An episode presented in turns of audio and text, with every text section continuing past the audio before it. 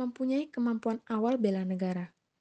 Kemampuan awal bela negara dari tiap warga negara diartikan sebagai potensi dan kesiapan untuk melakukan aksi bela negara sesuai dengan profesi dan kemampuan di lingkungan masing-masing.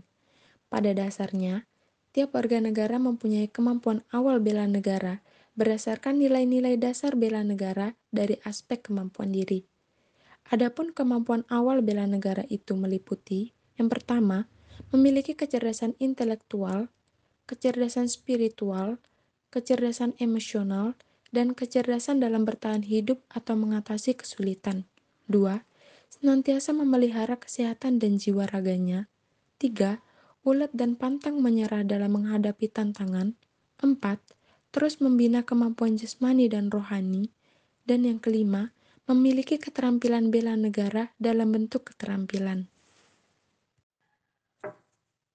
Bidang ekonomi Dalam bidang ekonomi, implementasi wawasan Nusantara akan menciptakan tatanan ekonomi yang benar-benar menjamin pemenuhan dan peningkatan kesejahteraan dan kemakmuran rakyat secara adil dan merata.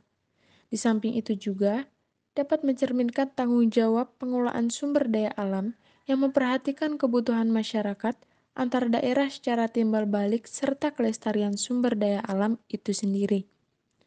Adapun prinsip-prinsip implementasi wawasan Nusantara dalam bidang ekonomi yaitu 1.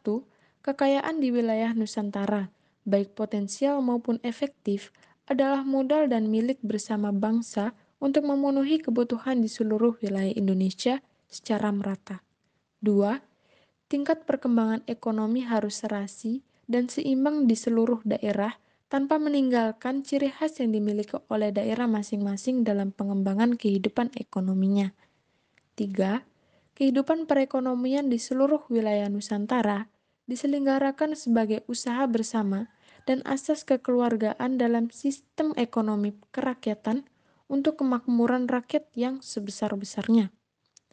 Contoh implementasi wawasan Nusantara dalam bidang ekonomi di antaranya dengan menyeimbangkan keuangan pusat dan daerah dengan keluarnya Undang-Undang Nomor 25 Tahun 1999 tentang perimbangan keuangan antar pusat dan daerah. Assalamualaikum warahmatullahi wabarakatuh. Saya Vina Alfiana dari kelas B akan menjelaskan studi kasus tentang Sumpah Pemuda pada generasi Z. Yang pertama, apa itu Sumpah Pemuda? Sumpah Pemuda adalah sejarah yang mengarahkan Indonesia menjadi negara yang merdeka. Meskipun Indonesia telah berjuang memperoleh kemerdekaan selama dua tahun, tetapi negara Belanda melakukan agresi militer satu untuk merebut kembali negara jajahan. Saat ini Indonesia telah memasuki tiga generasi berbeda. Yang pertama, generasi X, yakni para pemuda setelah merdeka. Yang kedua, generasi Y, yakni anak dari para pemuda setelah merdeka. Dan yang ketiga, generasi Z, yakni anak dan cucu dari para pemuda setelah merdeka. Generasi Z terlahir diberikan kemudahan dalam memperoleh informasi yang lebih cepat dibandingkan generasi sebelumnya. Maka dari itu, generasi Z harus dibimbing dan diedukasi untuk bisa belajar mengontrol informasi tersebut sehingga bisa menjadi warga negara yang beretika dan berbudaya Indonesia. Perihal pertama yang harus dilakukan generasi Z yaitu mengenal dan menyayangi orang terdekat seperti nenek, kakek, orang tua, kakak, adik, om, tante, guru, dan masyarakat sekitar. Perihal tersebut harus diperkuat dengan empat pilar kebangsaan yaitu Pancasila, Undang-Undang Dasar 1945, Negara Kesatuan Republik Indonesia, dan Bhinneka Tunggal Ika. Perihal pertama dan kedua masih harus diperkuat atau dipertahankan dengan selalu mengingat Pancasila sila pertama, yaitu ketuhanan yang Maha Esa. Semua kegiatan yang dilakukan hanya untuk beribadah kepada Allah Subhanahu wa taala. Jadi kesimpulannya adalah Generasi Z merupakan generasi yang terlahir diberikan kemudahan dalam memperoleh informasi yang lebih cepat dan mudah. Oleh karena itu, generasi Z harus bisa belajar mengontrol informasi tersebut sehingga bisa menjadi warga negara yang beretika dan berbudaya Indonesia. Sekian dan terima kasih. Assalamualaikum warahmatullahi wabarakatuh. Assalamualaikum warahmatullahi wabarakatuh. Saya Vina Alfiana Nikma dari kelas B. Saya akan menjelaskan pembelajaran bab 2 tentang aksiologi kewarganegaraan. Yang pertama, negara dan warga negara. Negara dan warga negara saling berhubungan dan tertera dalam pembukaan Undang-Undang Dasar 1945. Adapun hak warga negara tertera dalam pasal 27 ayat 1 Undang-Undang Dasar 1945 yang berbunyi segala warga negara bersamaan kedudukannya di dalam hukum dan pemerintahan dan wajib menjunjung hukum dan pemerintahan itu dengan tidak ada kecualinya. 2. Identitas nasional. Faktor pembentukan identitas nasional mulai dari faktor primodal, kondisional, dan sakral. Identitas nasional terbentuk dari gabungan kemajemukan yang menjadi unsur-unsur penting. Sebagai warga negara, ada beberapa tindakan yang harus dilaksanakan, antara lain mendukung perekonomian dengan membeli produk-produk dalam negeri, menumbuhkan sikap gotong royong, musyawarah mufakat dalam mengambil keputusan, dan mendukung sikap toleransi antar masyarakat. 3. Ketahanan nasional. Ketahanan nasional merupakan kondisi hidup dan kehidupan nasional yang harus senantiasa diwujudkan dan dibina secara terus-menerus serta sinergik. Ketahanan nasional dapat diwujudkan dengan adanya integrasi nasional. Yang keempat, partisipasi politik. Partisipasi politik adalah bentuk keikutsertaan warga negara biasa dalam menemukan segala keputusan yang menyangkut atau mempengaruhi kehidupannya. Bentuk partisipasi politik di Indonesia dengan diadakannya pemilu baik tingkat pusat hingga daerah. Sehingga generasi penerus sebaiknya kita mampu mengisi kegiatan pemilu dengan memberikan kantong suara atau voting dan menghindari golput serta berlandasan luber judil. Yang kelima adalah hak asasi manusia. Hak asasi manusia merupakan hak dasar atau hak kewarganegaraan yang melekat pada seseorang sejak ia lahir secara kodrat yang diberikan langsung oleh Allah Subhanahu wa taala yang tidak bisa dirampas dan dicabut eksistensinya serta dihormati, dijunjung tinggi dan dilindungi oleh negara, hukum dan pemerintahan.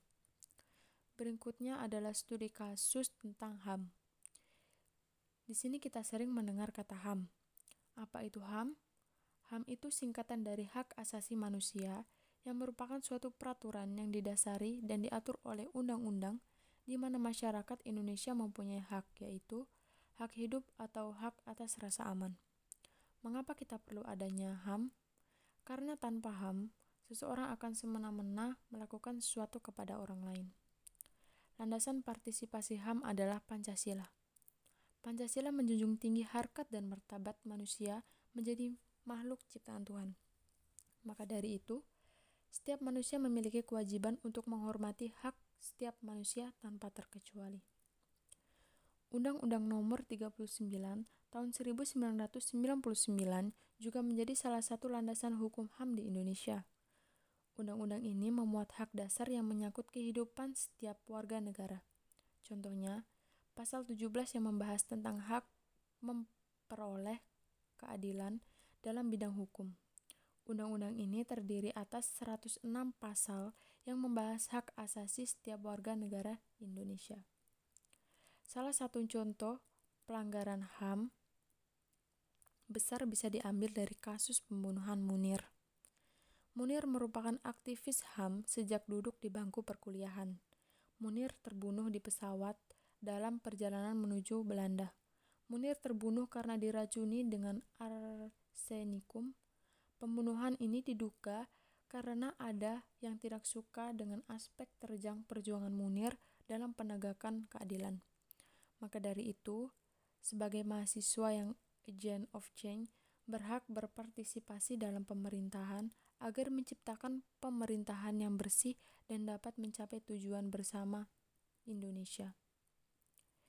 Jadi kesimpulannya, sebagai negara hukum, Indonesia berpegang teguh pada hukum tertinggi, kesamaan martabat, dan adanya jaminan terhadap hak asasi manusia. Lewat cara-cara yang demokratis dan konstitusional, Indonesia membuat hukum yang mencerminkan keinginan bersama. Sebab, Indonesia meyakini bahwa penegakan terhadap hak asasi manusia hanya dapat terlaksana jika masyarakat dapat menghormati demokrasi dan hukum yang berlaku. Sebaliknya, jika ingin masyarakat patuh terhadap hukum dan demokrasi, maka hukum itu harus dapat menjamin terjaganya hak-hak asasi yang melekat pada manusia. Assalamualaikum warahmatullahi wabarakatuh. Assalamualaikum warahmatullahi wabarakatuh. Saya Vina Alfiana dari kelas B di sini saya akan menyimpulkan materi bab 3 tentang epistemologi kewarganegaraan. Dari materi tersebut, dapat kita simpulkan bahwa kewarganegaraan merupakan hal penting yang harus diketahui oleh setiap warga negara.